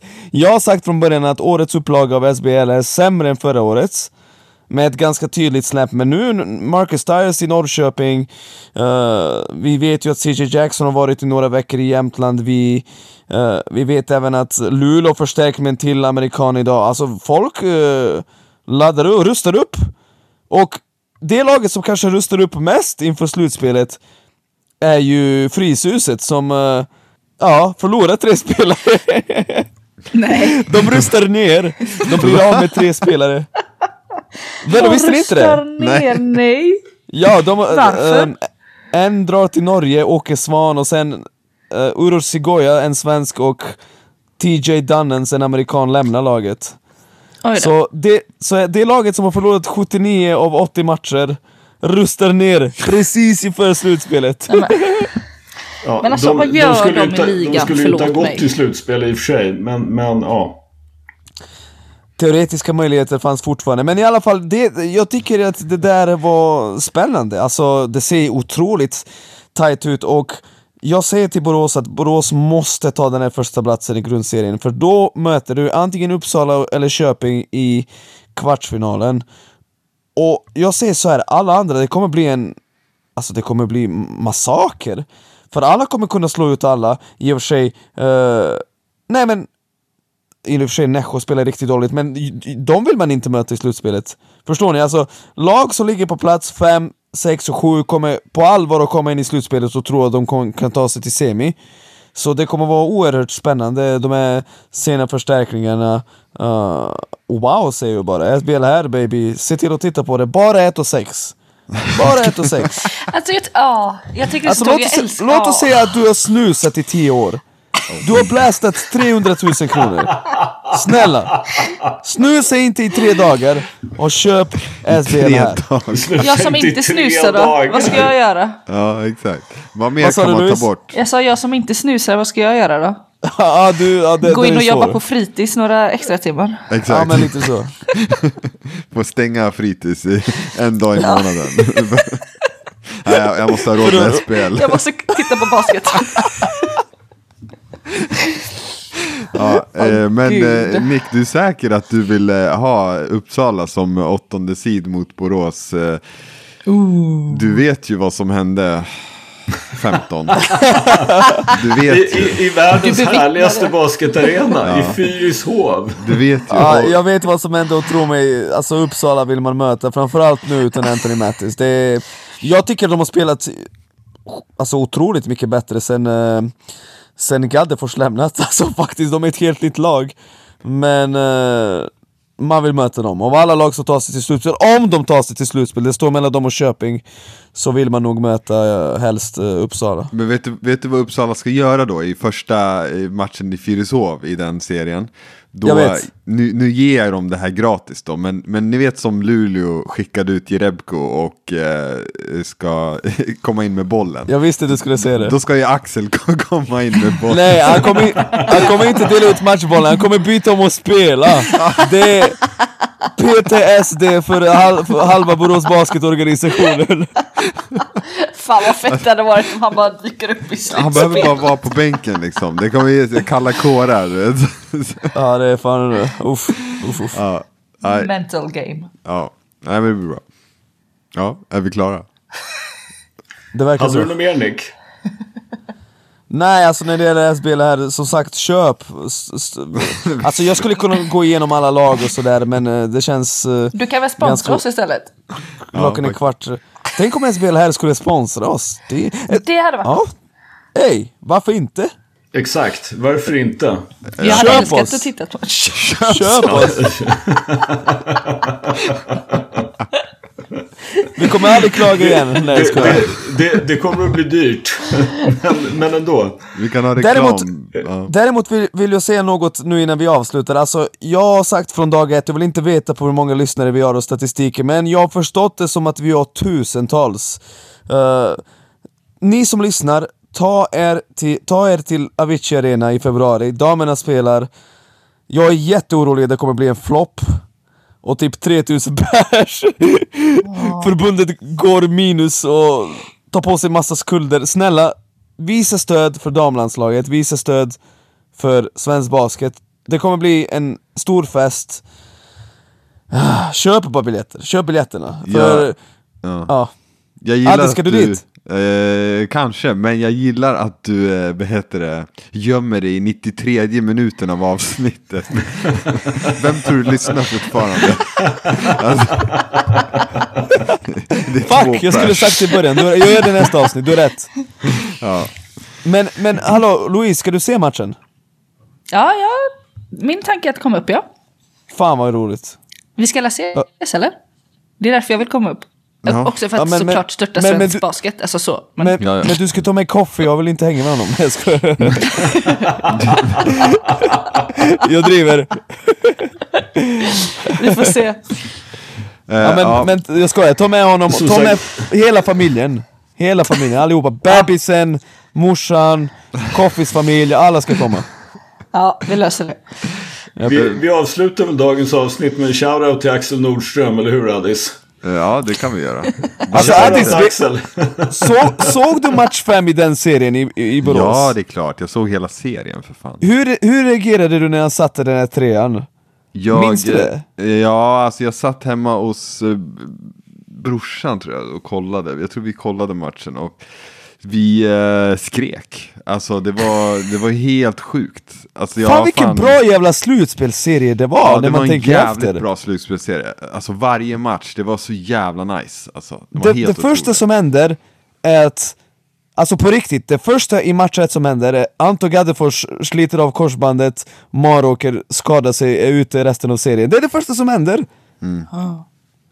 Sjuk, sjuk serie alltså. Och sen, ja, jag vill inte prata. Alltså, det, det är den enda gången jag gick hem efter en match och var fysiskt illamående. På riktigt, alltså ibland ser man det för att överdriva och liksom uh, måla upp en bild av hur dåligt man mår efter. Men jag mådde, jag kommer aldrig glömma, jag gick till min lägenhet på Göta, jag kunde inte somna för jag var spyfärdig. För jag visste att serien är över, min fattiga karriär är över liksom.